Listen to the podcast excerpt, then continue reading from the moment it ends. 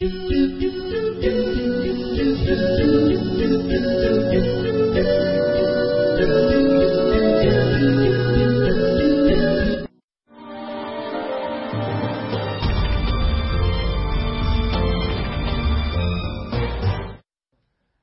رحمة يا رحمة رقراقة بعثت لنا بمياه نهجك كل ذنب يغسل هذا الذي جبريل هذا الذي جبريل حل بداره وله ملائكة السماء تنزلوا وله إله الكون وله إله الكون. صار مخاطبا اصعد وغيرك يا محمد ينزل. كنا نسير في الظلام قوافلا وعلى دروب الخوف كنا نرحل. حتى بعثت. فكنت خير مخلص نور على ظلم الطريق ومنزل علمتنا علمتنا أن العقيدة وردة. إن لم, إن لم تذق ماء المحبة تذبل. لم ينشغل عنك الفؤاد لم ينشغل عنك الفؤاد للحظة. إن تدبر الدنيا فحبك مقبل وأنا أحبك وأنا أحبك ملء قلبي والحشا. فليستمع ذاك الذي يتقول ولتعلم الدنيا ولتعلم الدنيا بأن محمدا تاج على قمم الرؤوس مبجل. خلقت طليقا كطيف النسيم وحرا كنور الضحى في سماء. تغرد كالطير أين اندفعت وتشدو بما شاء وحي الإله.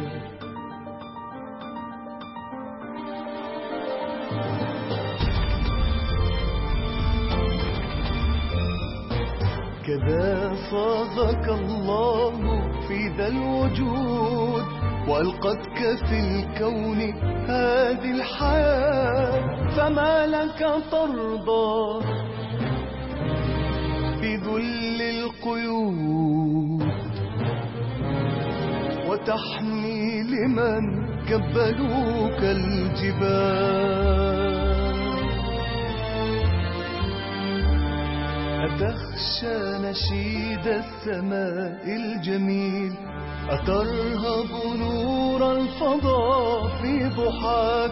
ألا أنهض وسر في سبيل الحياة؟ فمن نام لم تنتظره الحياة. إلى النور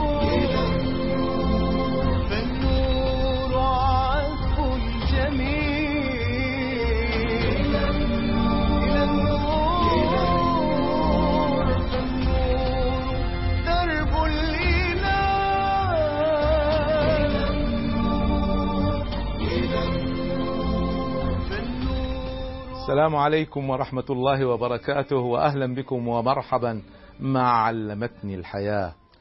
وحديثي معكم اليوم حديث المحبين حديثي عن حب رسول الله محمد بن عبد الله عليه أفضل الصلاة والسلام.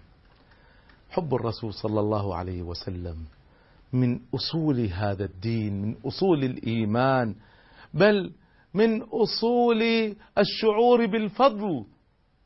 لأهل الفضل على ذوي الفضل ولا يعرف الفضل لأولي الفضل إلا أولو الفضل.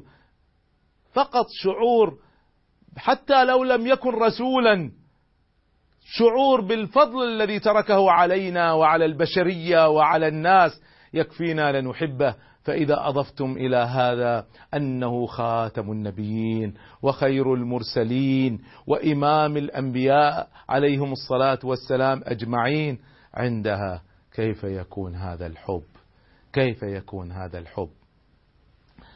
حب الرسول صلى الله عليه وسلم قضية إيمانية عميقة جدا وقضية أخلاقية سامية جدا وهي شرط من شروط الإيمان.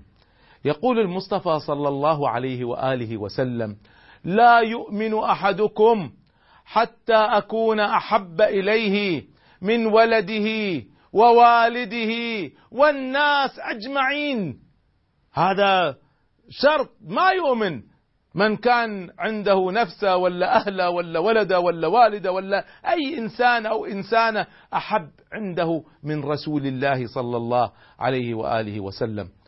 وكان النبي صلى الله عليه وسلم يؤصل هذا المعنى في الصحابة الكرام ليؤصلوه في من وراءهم حتى يصلنا هذا المعنى.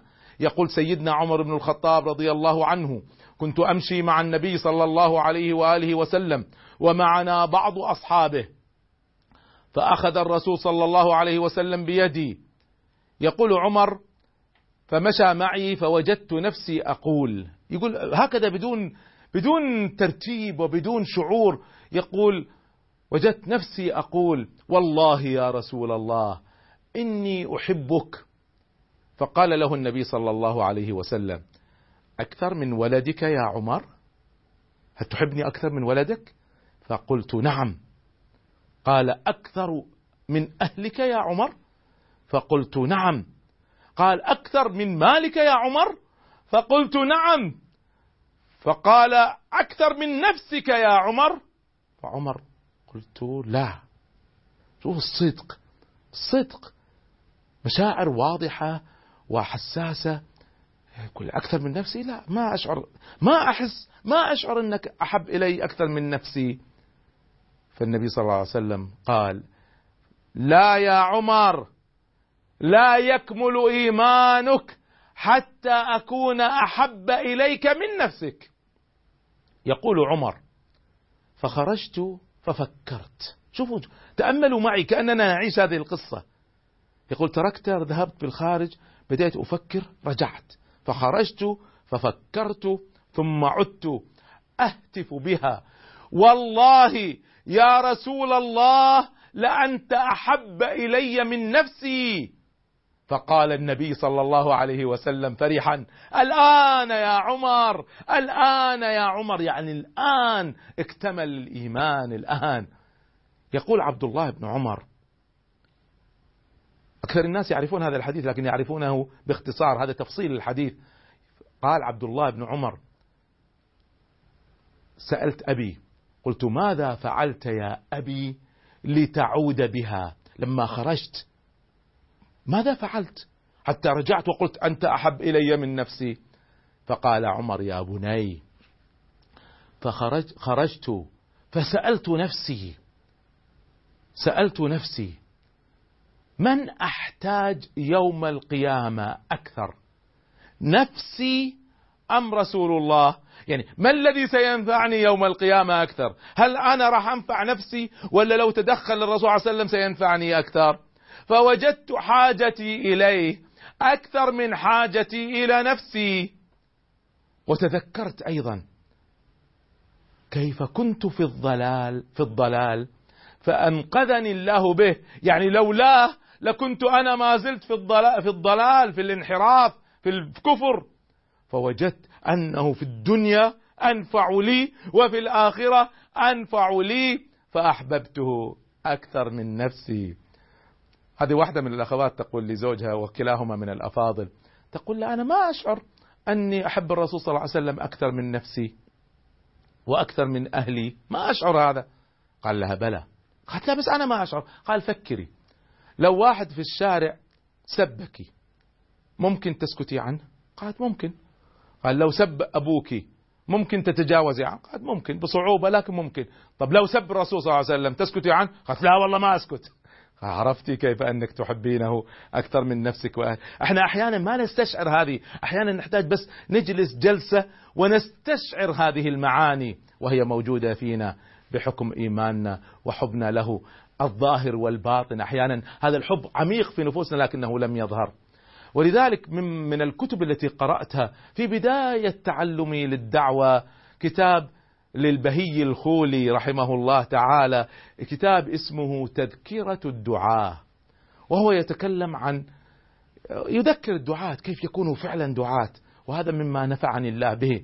من أوائل ما قرأت أذكر قرأت يمكن عمري 18 سنة 17 سنة قرأت الكتاب وما زال تأثير علي إلى اليوم.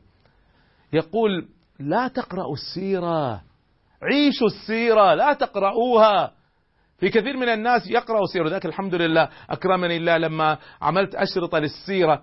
حاولت أني أطرحها بطريقة تجعل الناس كأنهم يعيشون كأنهم يرون فيلم وهم جزء من هذا الفيلم. هكذا مطلوب نقرأ السيرة أو نسمع السيرة. من بعض ما يقول كلام جميل. أن تكثر مصاحبة مولانا رسول الله صلى الله عليه وسلم في سيرته العطرة. مصاحبة وجدانية عميقة. ما هو فقط قراءة. تجعلك في مجلسه عليه السلام إذا جلس. تحس أنك جالس معاه. وإذا سار أنت تسير في ركابه إذا ركب. وتعيش في معيشه إذا سار وتس... لما يعظ الناس تسمع القوارع من الوعظ ويتسرب إلى قلبك رقة مناجاته إذا ناجى الله. تسمع لما تقرأ دعاء النبي صلى الله عليه وسلم في أكربة في كتب الأدعية أنت كأنك حاضر معاه وتسمع وهو يدعو يدعو وإذا ناجى ربه في الليل أو في خلوات النهار.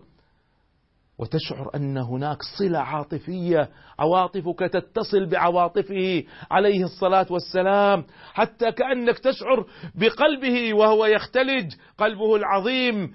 وتشعر بغضبه إذا غضب. وتشعر ببشاشته وسماحته في صفوف المؤمنين من حوله تعيش معه تسلك معهم. أنت معهم حين يسامون سوء العذاب وينزل عليهم أذى قريش. تتألم كما يتألمون وتهاجر كما يهاجرون. تهاجر بوجدانك بمشاعرك بخيالك بعواطفك إلى الحبشة أو إلى المدينة أو غيرها من البلاد. فإذا شرع له الجهاد في مدينة في المدينة فأنت تحت لواء المصطفى صلى الله عليه وسلم. تشهده كأنك تراه ممتطيا على صهوة جواده وقد لبس لأمة الحرب. فهو قد تقلد بالسيف وأخذ بالرمح فهو فارس الميدان. وترى لا ترى إلا الحديد عليه من كل مكان تزهر عيناه من تحت المغفر. فما يصعد شرفا ولا تلا ولا يهبط واديا ولا ينال من عدو نيلا إلا وأنت معه. عليه السلام. تكاد تضرب إذا ضرب. وتقدم إذا أمر تفديه بما تملك تحوطه بكل ما في سويداء قلبك من حب ومن عاطفة. تعيش مع الرسول صلى الله عليه وسلم. عيشوا مع الرسول. اقرأوا سيرته. علموا الأطفال بالذات سيرته. مما مما نفعني الله به. أيضا مما قرأته للإمام الشيخ الحسن الندوي إمام من عظماء الهند. رحمه الله وغفر له. يقول عن نفسه يقول لم ينفعني شيء في حياتي كما نفعتني سيرة النبي صلى الله عليه وسلم وأمي أو العفو وجدتي تقصها علي كل ليلة وعمري عشر سنوات. عمري عشر. أنا أتمنى الآباء والأمهات بالذات الأمهات والجدات أن يبيتوا الأطفال بدل سندريلا وغيرها بيتوهم بقصة السيرة. وخذوها خليها تأخذ سنة معهم. خذوها جزء جزء بالتفصيل وبالمشاعر والأحاسيس. دعيهم دعوهم يتربوا ويعيشوا مع الرسول صلى الله عليه وسلم. هكذا نزرع الحب في قلوب أبنائنا وبناتنا. مزيد من معاني الحب وكيف نستشعره وكيف نكمل ونرفعه بعد الفاصل إن شاء الله.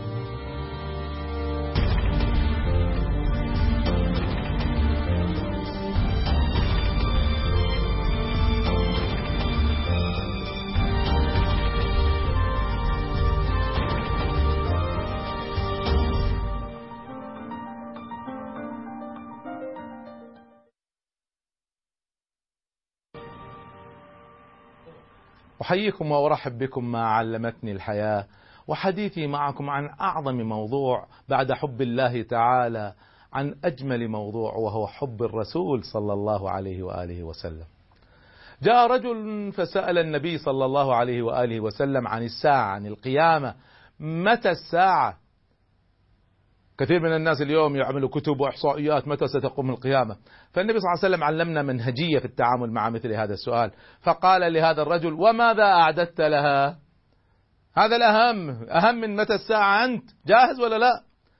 فقال اسمعوا كلام عجيب جميل جدا، قال لا شيء، ما أعددت لها شيء، إلا أني أحب الله ورسوله صلى الله عليه وسلم، فقال: صلى الله عليه وآله وسلم.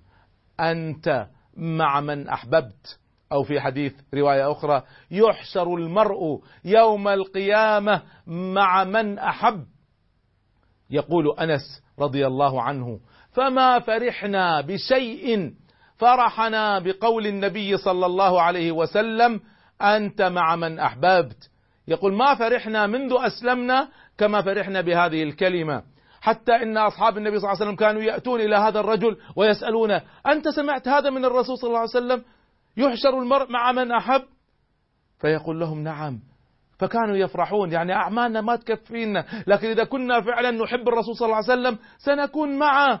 يقول أنس فأنا أحب النبي صلى الله عليه وسلم وأبا بكر وعمر وأرجو أن أكون معهم بحبي إياهم.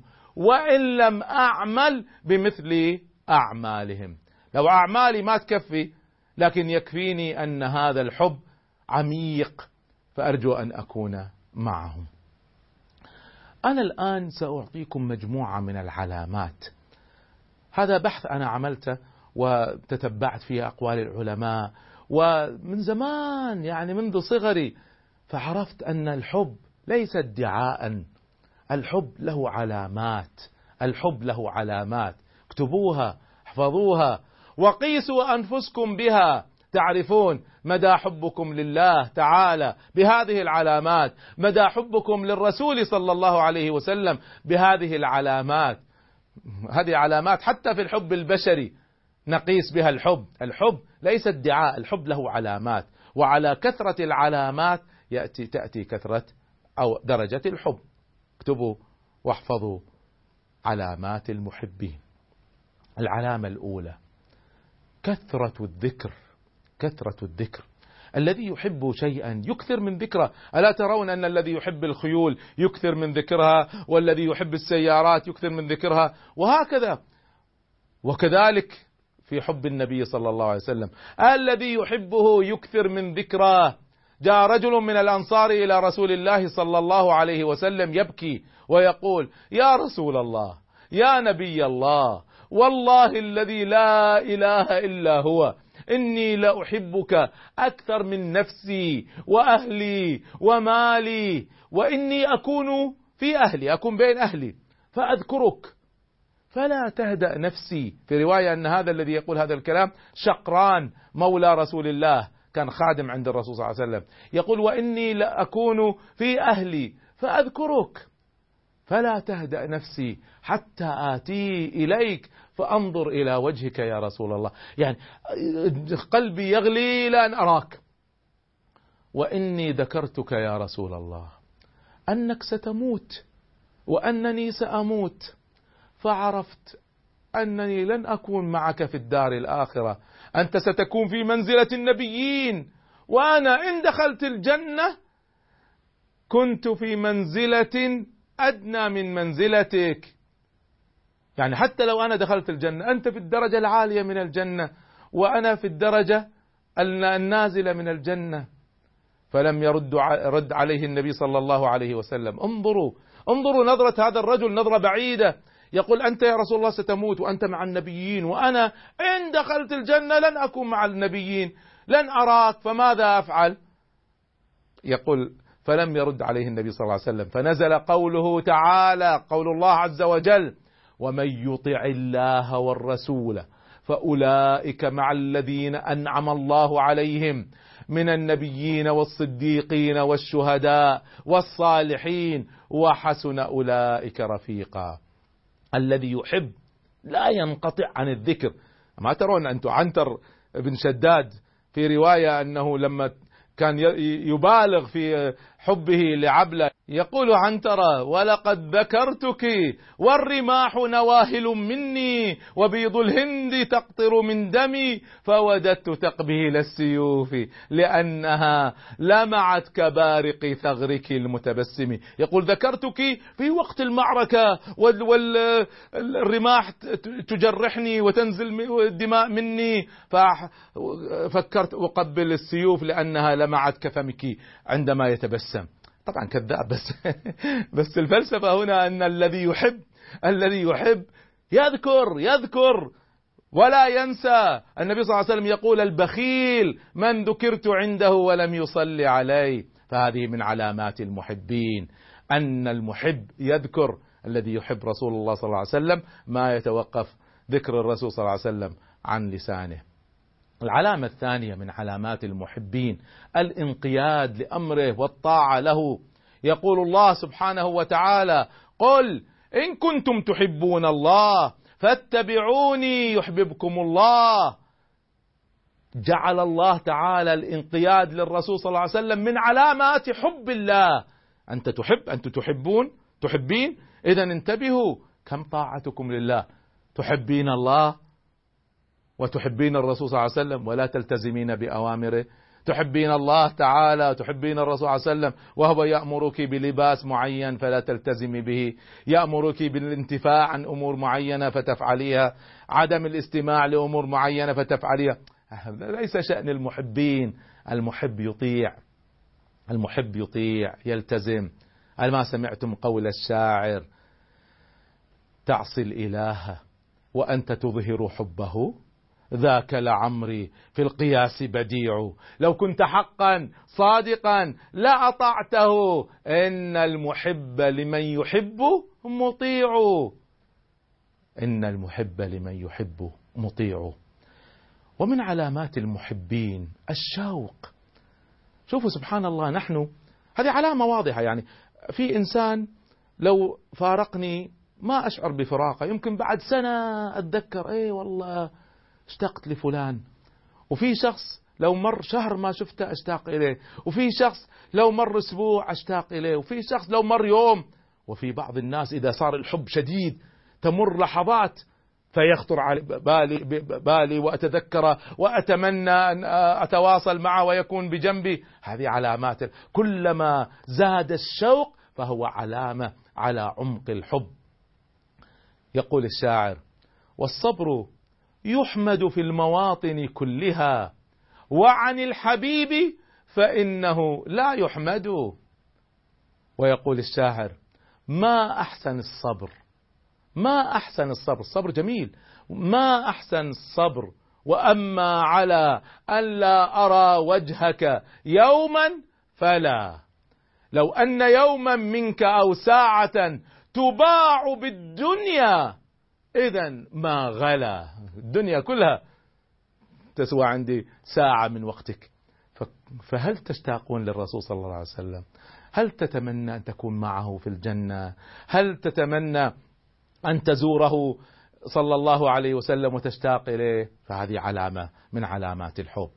اكتبوا العلامات وقيسوا أنفسكم بها من علامات الحب. الإقبال على سماع حديثه المحب إذا جلس مع حبيبه يتمنى أن يتكلم يتكلم ولا يسكت وهو يسمع له. عن ابن مسعود رضي الله عنه قال قال النبي صلى الله عليه وآله وسلم اقرأ علي. يقول لابن مسعود اقرأ علي القرآن يعني. فقلت أقرأ عليك وعليك أنزل. أنا أقرأ عليك القرآن وهو نزل عليك. فقال صلى الله عليه وسلم اقرأ. فإني أحب أن أسمعه من غيري.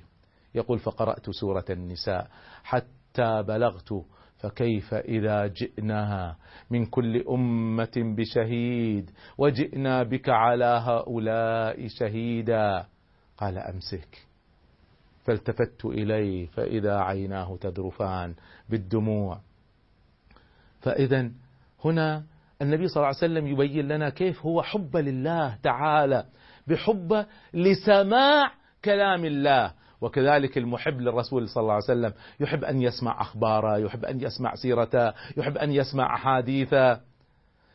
وهذا تكرر في عدة أحاديث. مر النبي صلى الله عليه وسلم على أبي موسى الأشعري وهو يقرأ فجعل يستمع له عليه الصلاة والسلام. وأبو موسى يقرأ قراءة في منتهى الجمال. فقال صلى الله عليه وسلم لقد أوتي هذا مزمارا من مزامير آل داود من جمال القراءة. أجمل الناس صوتا على الإطلاق كان داود عليه السلام. و يعني تحريكه بالمقامات المختلفة كانوا يسمونها مزامير داود. يقول أبو موسى الأشعري له مزمار من مزامير داود. فلما جاء أبو موسى كان النبي صلى الله عليه وسلم يسمع على أبو موسى وأبو موسى ما يدري. فلما جاء أخبره النبي صلى الله عليه وسلم قال لقد استمعتك البارحة وقد أوتيت مزمارا من مزامير داود. فقال أبو موسى لو علمت يا رسول الله أنك تستمع أنك تستمع إلي لحبرته لك تحبيرا. يعني تفننت في القراءة وهذا من من السنة أن يتفنن الناس بقراءة القرآن الكريم. إذا الاستماع للقرآن علامة على حب الإنسان لله لأنه يحب سماع كلام المحبوب وكذلك الاستماع للسيرة والاستماع للأحاديث علامة على حبنا لرسول الله صلى الله عليه وسلم. مزيد من علامات المحبين بعد الفاصل إن شاء الله.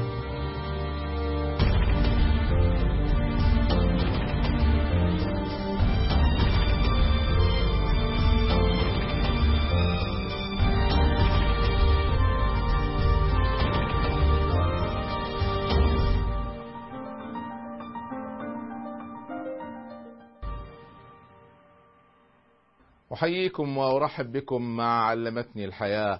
ونحن مع حلقة بمعنى جميل هو حب الرسول صلى الله عليه وآله وسلم. وبدأت معكم قبل الفاصل بالحديث عن علامات المحبين.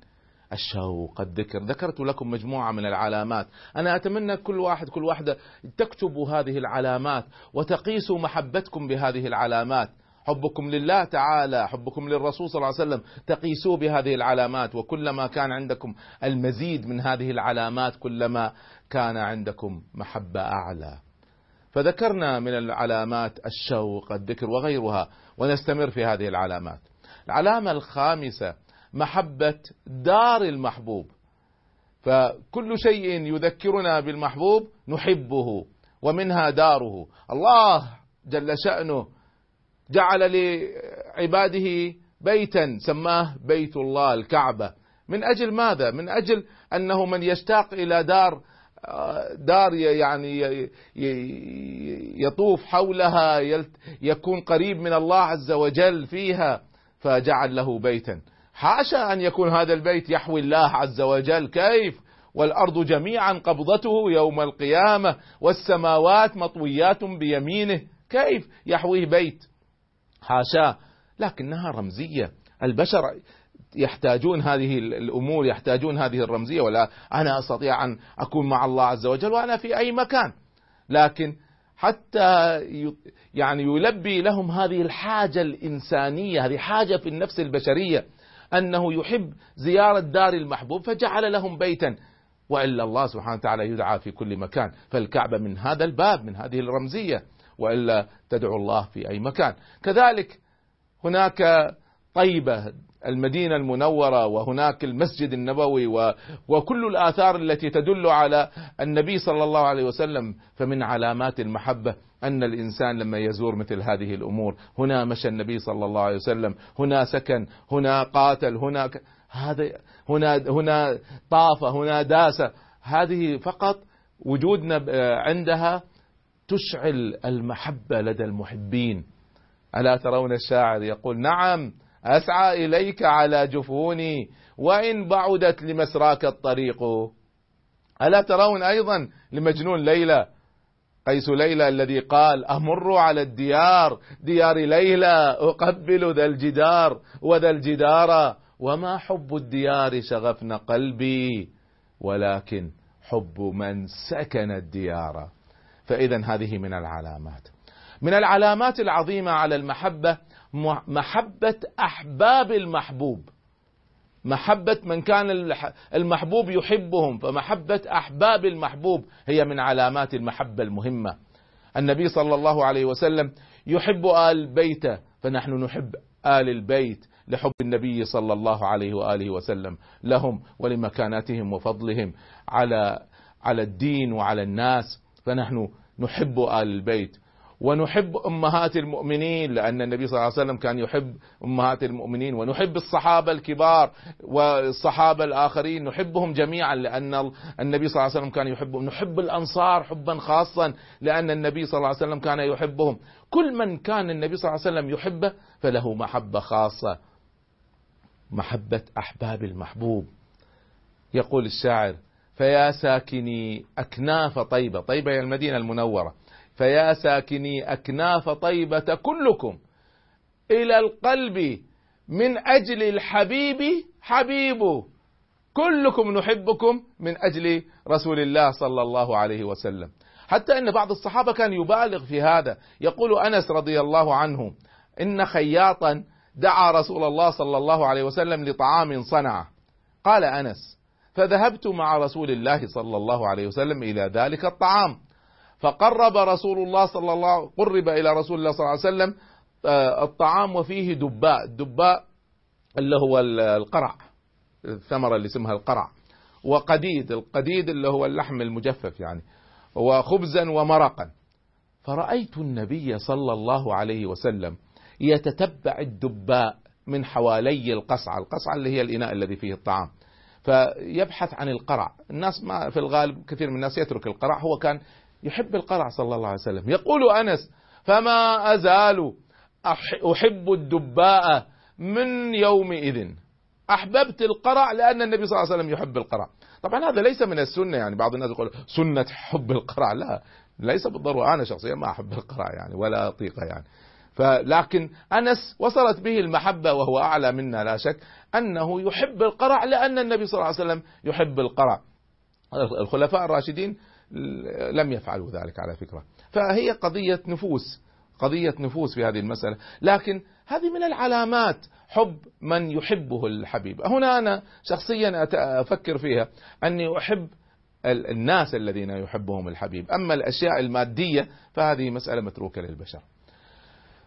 أيضا من علامات المحبة اسمعوا من علامات المحبة انجلاء الهموم عند زيارته. انجلاء الهموم عند زيارته. سبحان الله ال- ال- النفس البشرية تتعرض لهموم وتتعرض لضغوط. هذا أمر طبيعي جدا.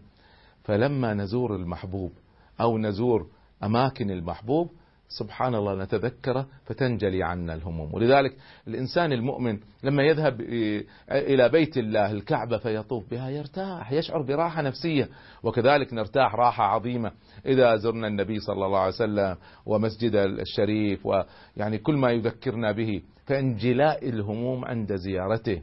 يقول الشاعر يزور فتنجلي عني همومي لأن جلاء حزني في يديه.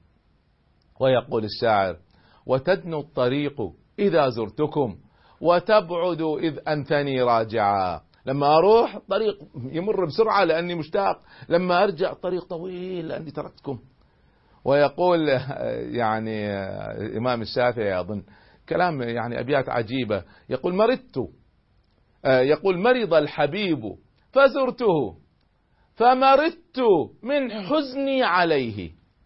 وأتى الحبيب يعودني فبرئت من نظري إليه.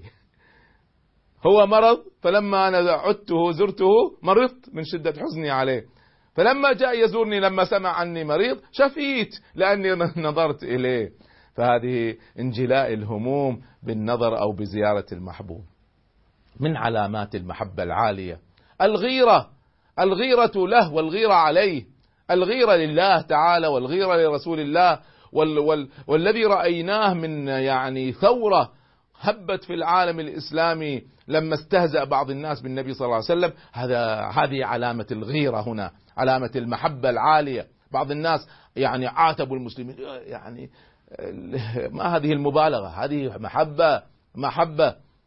يقول سعد بن عبادة سيد الأنصار رضي الله عنه يقول لو رأيت رجلا مع امرأتي لضربته, لضربته بالسيف غير مصفح عنه. فوصل الخبر إلى النبي صلى الله عليه وسلم. يعني ما هذه المبالغة. لو واحد شفته في بيتي حتى لو ما كان يعمل شيء بس شفته في بيتي مع امرأتي أقتله. فالنبي صلى الله عليه وسلم لما وصله الخبر يعني عن غيرة سعد فقال أتعجبون من غيرة سعد؟ فوالله لأنا أغير منه.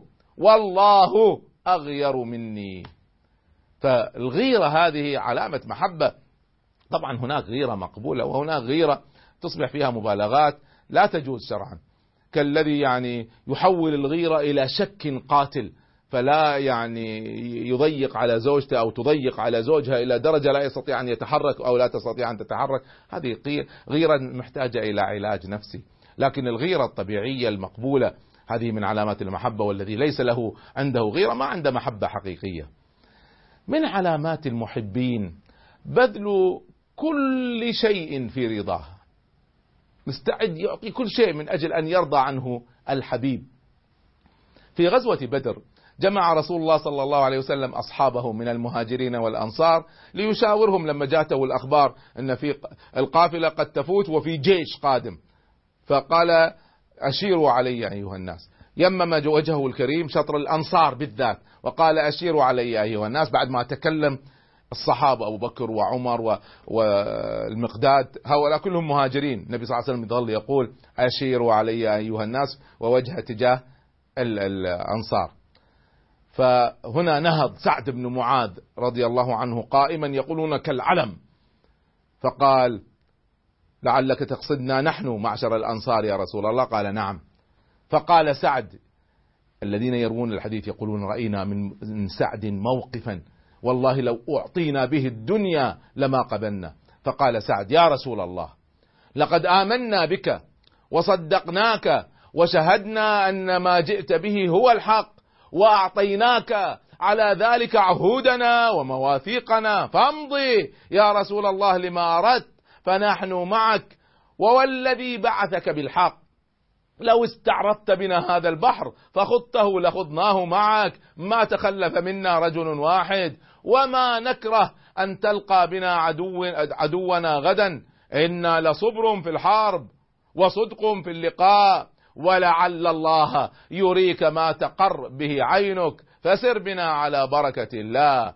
فتهلل وجه النبي صلى الله عليه وسلم سرورا بما سمع. مستعدين نضحي؟ نضحي بكل شيء بكل شيء من أجل رضاك يا رسول الله.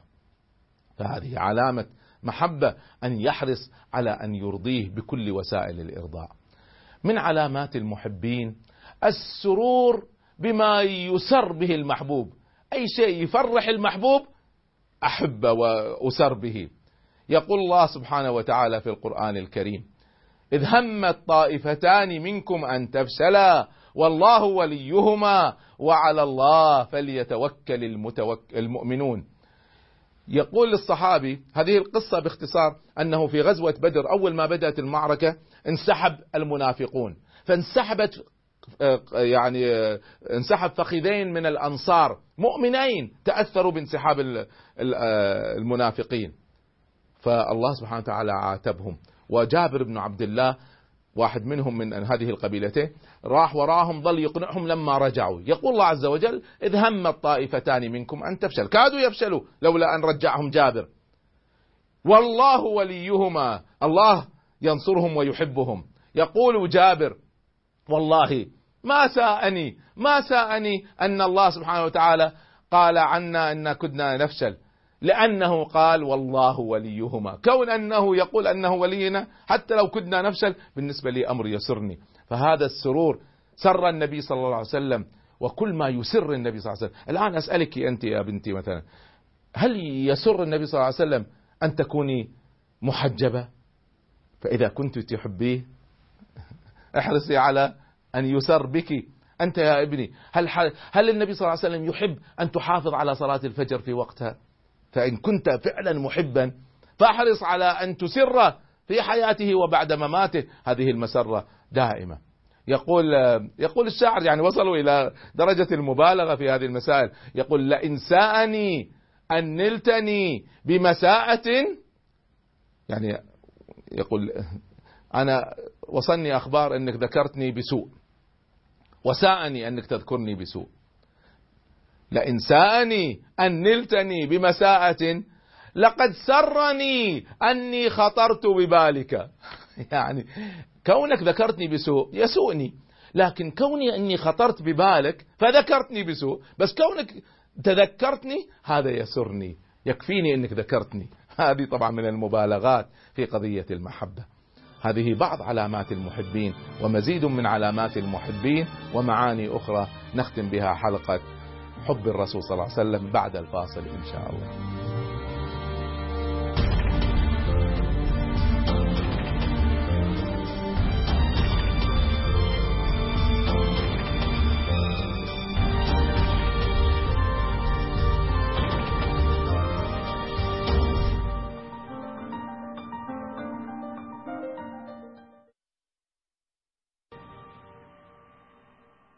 أحييكم وأرحب بكم ما علمتني الحياة وحديثي عن حب رسول الله صلى الله عليه وآله وسلم. وبدأت معكم بعلامات المحبة وما زلت معكم فيها. هذه علامات لحبنا لرسول الله صلى الله عليه وسلم وهي علامات أيضا تستعملوها لحب الله عز وجل. هي علامات المحبين بشكل عام. فذكرت لكم حتى الآن عشر علامات. أتمنى أن تكونوا كتبتوها. وتقيسوا أنفسكم بها. وأختم هذا الجزء بعلامتين رئيسيتين. من العلامات علامة حب الخلوة حب الخلوة. الذي يحب يحب أن يختلي بمحبوبه لا يكون معه ما ثالث أبدا. طيب الرسول صلى الله عليه وسلم اليوم مات فكيف نكون معه وحدنا. نكون معه وحدنا لما نجلس جلسة خاصة هكذا نصلي عليه نذكر وحدنا بيننا وبين أنفسنا. في صحابي جاء للنبي صلى الله عليه وسلم فقال له أرأيت يا رسول الله إن جعلت لك ربع صلاتي؟ يعني أصلي بالليل وربع الصلاة فقط أصلي عليك. اللهم صل على محمد. فالرسول صلى الله عليه وسلم أثنى عليه. ثم فقال وإن زدت لك زيادة يعني. فقال فلك نصف صلاتي. فأثنى عليه وحثه على المزيد. قال فأجعل لك كل صلاتي. يعني أقف أجلس بالليل طول الليل بس أقول اللهم صل على محمد اللهم سلم على محمد اللهم صل على آل بيته. فقط فقط الصلاة على النبي. فقال إذا تكفى همك ويوسع رزقك. فإذا هذه الخلوة معه أن تجلس تذكرة أو تستمع لسيرته أو تقرأ في سيرته فتعيش معه. هذه حب الخلوة. ألا ترون الشاعر يقول وأخرج من بين البيوت لعلني أحدث عنك القلب بالسر خاليا. يعني أخرج وأبتعد عن الناس كلهم لعل فقط أخلو بذكرك وبيني وبين نفسي بالسر وأكون خالي معك. لا أفكر في أحد غيرك. فهذه من علامات المحبين. والعلامة الأخيرة التي أحب أن أختم بها التذلل للمحبوب. التذلل. التذلل هو درجة مبالغ فيها من الطاعة والرفق. فيأتي ويحاول أن يرضيه بكل الوسائل حتى لو فيها ذل حتى لو فيها أحيانا شيء من الذل. وهذه معروفة بين المحبين. يقول الشاعر إذا كنت تهوى من تحب ولم تكن دليلا له فاقرأ السلام على الوصل. بدون ذل ما في ما في حب حقيقي. ويقول الشاعر تذلل لمن تهوى تكسب عزة فكم عزة قد نالها المرء بالذل ويعجبني ذلي لديك ولم يكن ليعجبني لولا محبتك الذل. فالذل شديد على النفس. الذل شديد على النفس. لكن من أجل حب النبي صلى الله عليه وآله وسلم يبقى هذا عالي جدا في النفوس من أجل حب النبي صلى الله عليه وسلم. انظروا إلى حب الصحابة للنبي صلى الله عليه وسلم أين بلغ؟ يقول أبو سفيان لما كان في زمان جاهليته يقول لزيد بن الدثنة واحد من الصحابة الذين أسرتهم قريش فاقتادوه اقتاده المشركون ليقتلوه خارج الحرم ما كانوا يقتلون داخل الحرم. فقال أبو سفيان لزيد أن أنشدك الله يا زيد. أنت الآن على وشك أن يقتل. أتحب أن محمدا عندنا الآن مكانك تضرب عنقه وأنك في أهلك؟ هل تحب أن تسال سليم في أهلك ومحمد هو الذي يقتل مكانك؟ قال والله ما أحب أن محمد الآن في مكانه الذي هو فيه في المدينة. تصيبه شوكة تؤذيه وأنا جالس في أهلي. يقول أبو سفيان ما رأيت في الناس أحدا يحب أحدا كحب أصحاب محمد صلى الله عليه وسلم لمحمد. فهكذا وصل بهم الحب. دعونا نسأل الشباب العربي عن حبهم للنبي صلى الله عليه وسلم. كيف يعبرون عن صدق حبهم للنبي صلى الله عليه وسلم؟ وما هي المواقف التي أثرت فيهم من سيرته؟ لنستمع لهذا التقرير. نعبر عن حبنا بالرسول بالالتزام بالتعاليم والسنة الذي اتبعها من قبلنا الصحابة والأتباع. أن ندافع ونناصر من يهاجمون أن ندافع عن أو نقاوم من يهاجموه بالمنطق والحجة. حبنا للرسول لازم يكون قوي بالله عز وجل. الرسول لأن تعب وورينا مواعظ وورينا قصص. فلازم نتبعها. في المذاكرة في سيرته العطرة ومعرفة المواقف التي حدثت معه ومعرفة من أذاه ومن حماه ومن ساعده والدراسة وغير ذلك. حبنا للرسول عليه الصلاة والسلام أكبر من أي شيء. ولا نستطيع التعبير عنه إلا باتباعه واتباع أصحابه عليهم رضوان الله. الطاعة أن نطيعه ونقلده ونلتزم باللي قاله. نعبر عن حبنا عن الرسول عليه الصلاة والسلام أول شيء حبتنا لأخواتنا مع بعض الجيران آه، ديننا. الصلاة عليه نذكرها دائما وأبدا. حب رسول الله عليه الصلاة والسلام باتباع سنته. أكثر موقف أثر فيني من الرسول عليه الصلاة والسلام الصبرة وحلمه على القريش والمشركين اللي آذوه.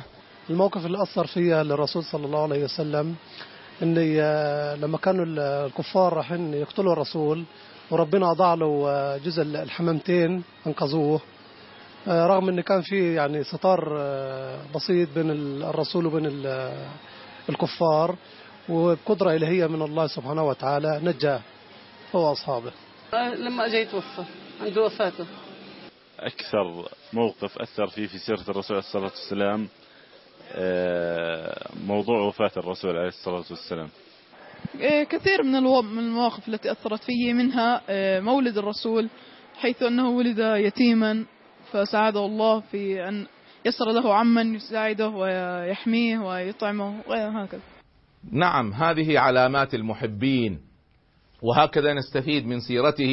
لكن دعوني ألخص لكم هذا من خلال معادلة. كل هذا الكلام نستطيع أن نلخصه في معادلة. معادلة تقول الولاء الباقي. والاتباع الراقي والالتزام الأخلاقي. هو حب النبي صلى الله عليه وسلم. الولاء الولاء معناها حب ومعه نصرة. الحب مع النصرة يساوي الولاء احفظوها. لما يقال ولي الله الله يحبه وينصره. ونحن نوالي الله ونوالي رسول الله نحبهم وننصرهم. هذا معنى الولاء. فإذا الولاء والاتباع والالتزام بالأخلاق.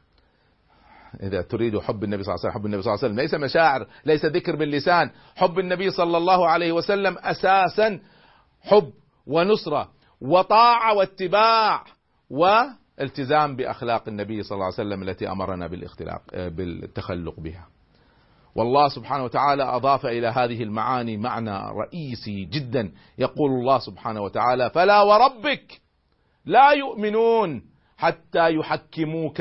يا محمد يعني فيما شجر بينهم. اسمعوا والله ما يؤمن أحد حتى يرجع إلى الشرع.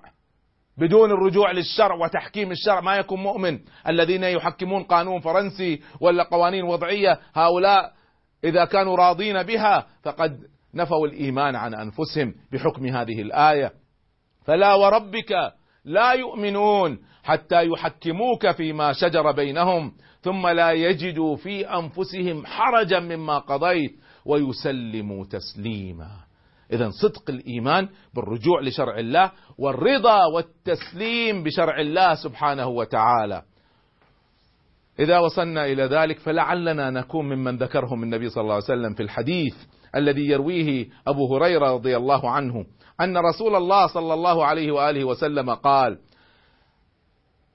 من أشد أمتي لي حبا. من هم أشد الناس حبا لي من أمتي؟ يقول من أشد أمتي لي حبا ناس يكونون بعدي يعني بعد وفاتي.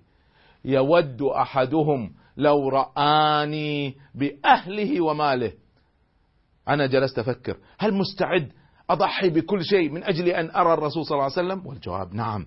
فلعلنا إن شاء الله وأنا وإياكم نكون ممن يحبهم الرسول صلى الله عليه وسلم ويحبونه حقا. البخيل في اللغة هو الذي يبخل بماله.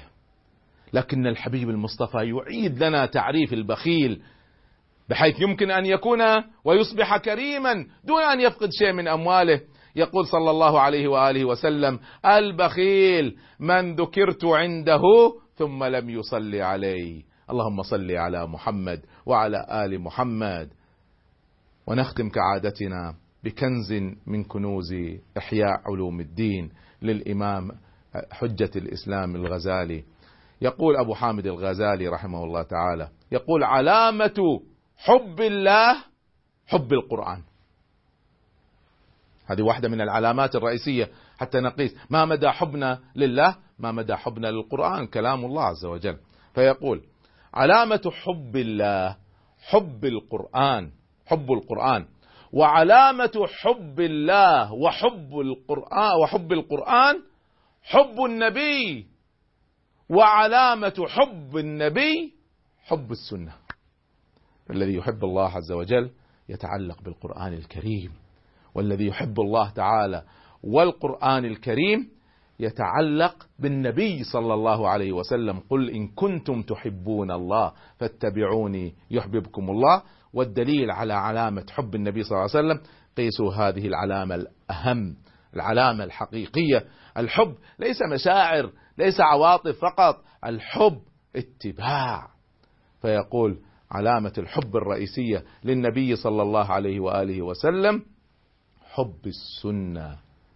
حب ما ورد عنه حب ما أمرنا بالاقتداء به الحرص على رضاه. المسلمون اليوم ما شاء الله أنا أؤكد لكم حتى الفاجر في عنده نخوة وغيرة على الرسول صلى الله عليه وسلم. لكن الأهم من هذا الأهم من أنك تظهرها على شكل مشاعر. هل تصلي؟ هل تحافظ على ما أمرك به؟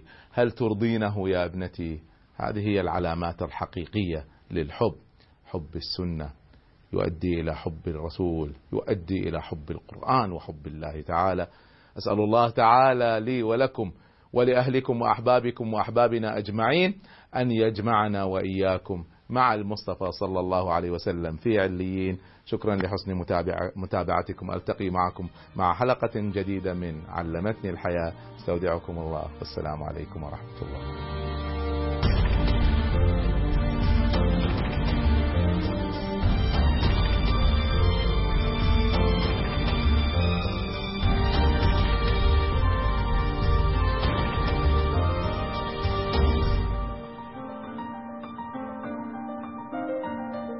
خلقت طليقا كطيف النسيم وحرا كنور الضحى في سماء تغرد كالطير أين اندفعت؟